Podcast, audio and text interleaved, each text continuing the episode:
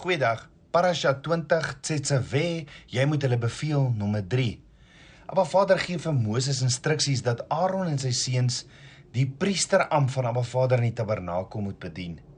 Nou Aaron en sy seuns was van die afstammeling van Levi en net die afstammeling van Levi het in die heiligdom van Israel gedien. Nou voor ons kyk na hulle kledingstukke wat spesifiek volgens Abba Vader se instruksies gemaak moes word, Kom ons kyk vandag net vinnig na sekere rolle of verpligtinge wat die priesters gehad het. En dalk as ons leer wat hulle verpligtinge was, sal ons ook leer wat ons verpligtinge as die priesterlike bruid van Yeshua is. In Deuteronomium 10 vers 8 tot 9 staan: "In die tyd het die Here die stam van Levi afgesonder om die verbondsark van Jahweh te dra." om voor die aangesig van Jahweh in sy diens te staan en sy naam te seën tot vandag toe. En daarom het Levi geen deel of erfenis saam met sy broers nie. Jahweh is sy erfdeel, soos Jahweh jou God hom beloof het. So, Abba Vader het die priesters afgesonder of geheilig om 3 dinge te doen, naamlik nommer 1 om die verbondsark van Abba Vader te dra. Nommer 2 om voor die aangesig van Abba Vader te staan in sy diens. Nommer 3 om te seën in sy naam. En voor ons kyk na hierdie drie dinge wat hulle moet moes doen, sê die woord in die tyd het Abba Vader die stam van Levi afgesonder. Wat beteken dit dat Abba Vader hulle afgesonder het? Jy sien wanneer jy weergebore is, ontvang jy jou verlossing.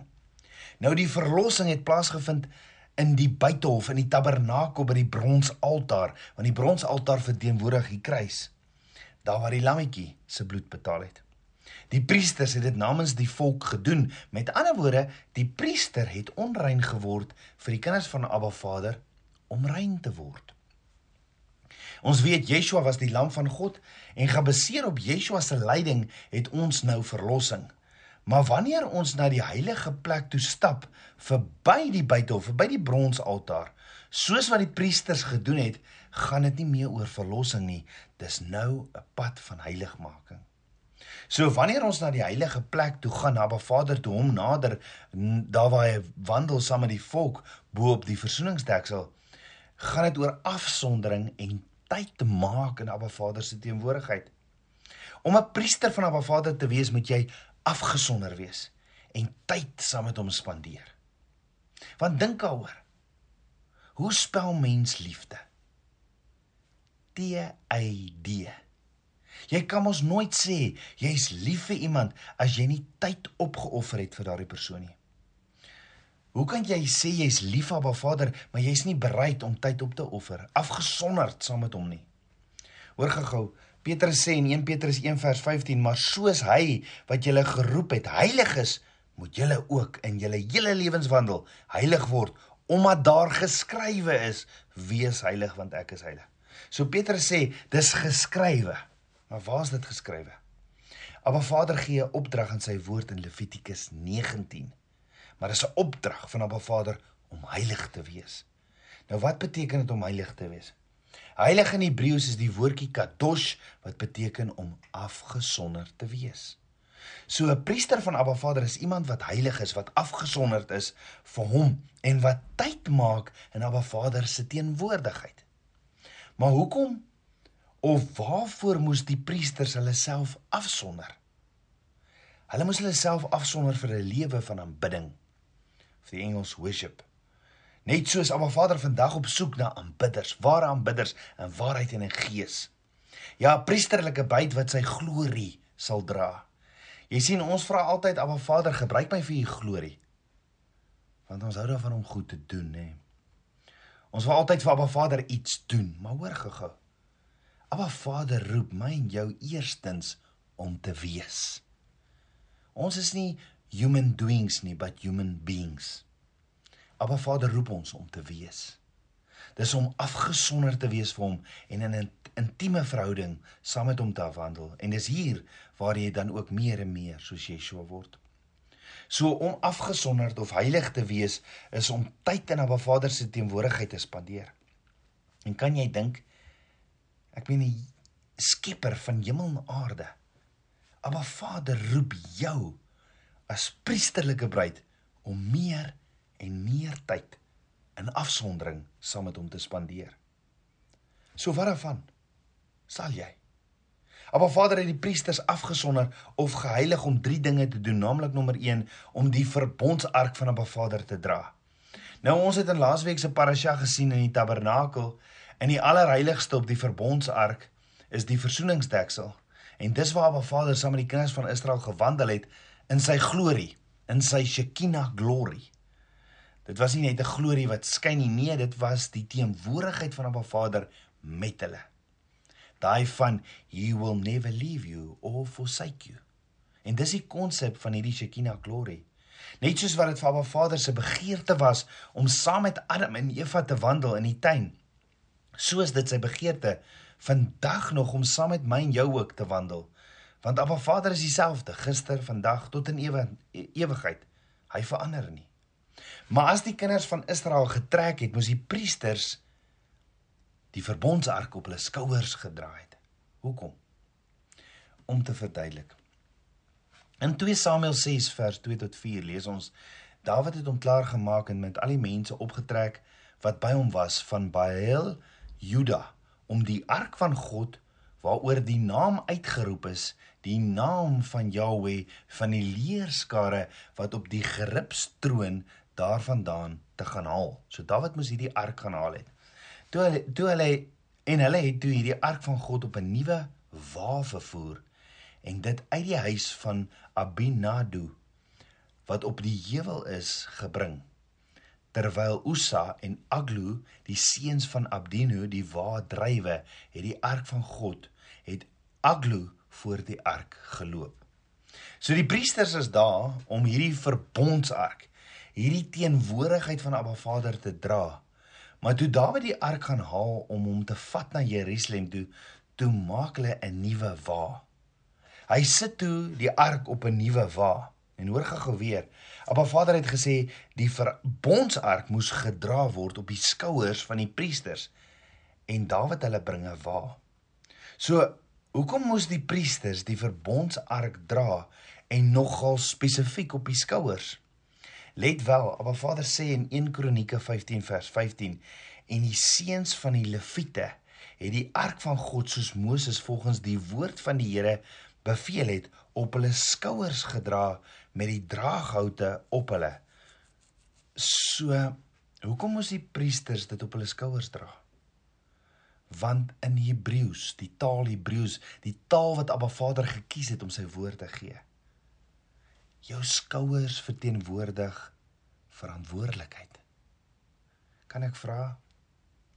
Wie se verantwoordelikheid is dit nou weer om as priesterlike bruid afgesonder of om heilig te wees. Dis op my en jou skouers. Jy gaan nooit ooit voor Abba Vader kan staan en sê: "Abba, ek is jammer, maar mense het my vergeet. Niemand het my ooit afgesonder of geheilig nie." Want dis net jy wat jouself kan afsonder en heilig. Dis op jou skouers en ons as priesterlike bruid moet die verbondsark dra, Abba Vader se teenwoordigheid op ons skouers sy glorie, sy Shekinah glory moet ek en jy dra op ons skouers. Dit kan net gedra word op die skouers van die leviete, die priesters, nie op 'n wa wat deur iemand gemaak is nie. Maar Vader salf nie 'n wa of 'n organisasie of 'n denominasie met die hoop hulle kan hierdie verbondsark, hierdie teenwoordigheid van 'n Vader dra nie. Nee, ons priesters is nie veronderstel om die verbondsark van 'n Vader te dra op 'n wa nie. Nee, ons dra dit op ons skouers. Dan bo op hierdie verbondsark kry ons die versoeningsdeksel en die woord sê in Romeine 3 vers 25, Yeshua is gestuur as ons versoeningsdeksel. Hoekom sê die woord dit? Want Yeshua het hierdie versoening gebring, die verlossing gebring, want sy bloed beskerm ons. As ek in hom is en hy in my, dan is ek in verbond met Abba Vader. En dan sê die woord, wanneer Abba Vader oordeel oor die aarde bring, sal hy sy bruid beskerm. Die versoeningsdeksel is ook hierdie plek waar die hoëpriester eenmal 'n jaar mos die bloed besprinkel het sewe keer as 'n versoeningsoffer vir die volk, as hierdie as hierdie atonement offering op die dag van versoening. Die hoëpriester kon nie die allerheiligste ingaan en hy kon dit net eenmal 'n jaar doen op een dag maar hy kon nie die allerheiligste ingaan sonder die bloed om dit daar 7 keer te besprinkel nie. Hy moes ingaan met die bloed. En vandag ook, ek en jy kan nie in Abba Vader se teenwoordigheid ingaan sonder die bloed van die lam nie. Dan hierdie verbondsark wat die priesters op hulle skouers moes dra, het 3 dinge binne in hierdie verbondsark gehad. Nommer 1 die kliptafels met die 10 gebooie. Ja, Abba Vader se huwelikskontrak. Nommer 2 'n kruik of 'n potjie met manna in. Die woord verwys ook in Eksodus 16 vers 4 na hierdie manna as the bread from heaven. Yeshua sê in Johannes 6 vers 35 ek is die brood van die lewe. Wie na my toe kom sal nooit honger kry nie. Wie in my glo sal nooit dors kry nie. Yeshua is die brood van die hemel. En dan die derde ding in die verbondsark is Aaron se staf. Hierdie was ook die staf waarmee Abba Vader die priesterdom sou uitwys. Ja, hy sou hy sou die staf gebruik het want Korag het gewonder hoekom die leviete, hoekom hoekom Aaron en Abba Vader het die priesterdom uitgewys met die staf. Ja, Abba Vader sê vir Moses, laat elke stam, die 12 stamme van Israel, laat elke stam 'n verteenwoordiger stuur met 'n amandeltak wat hulle gepluk het. Dan moet hulle op hierdie stok hulle stam se naam graweer.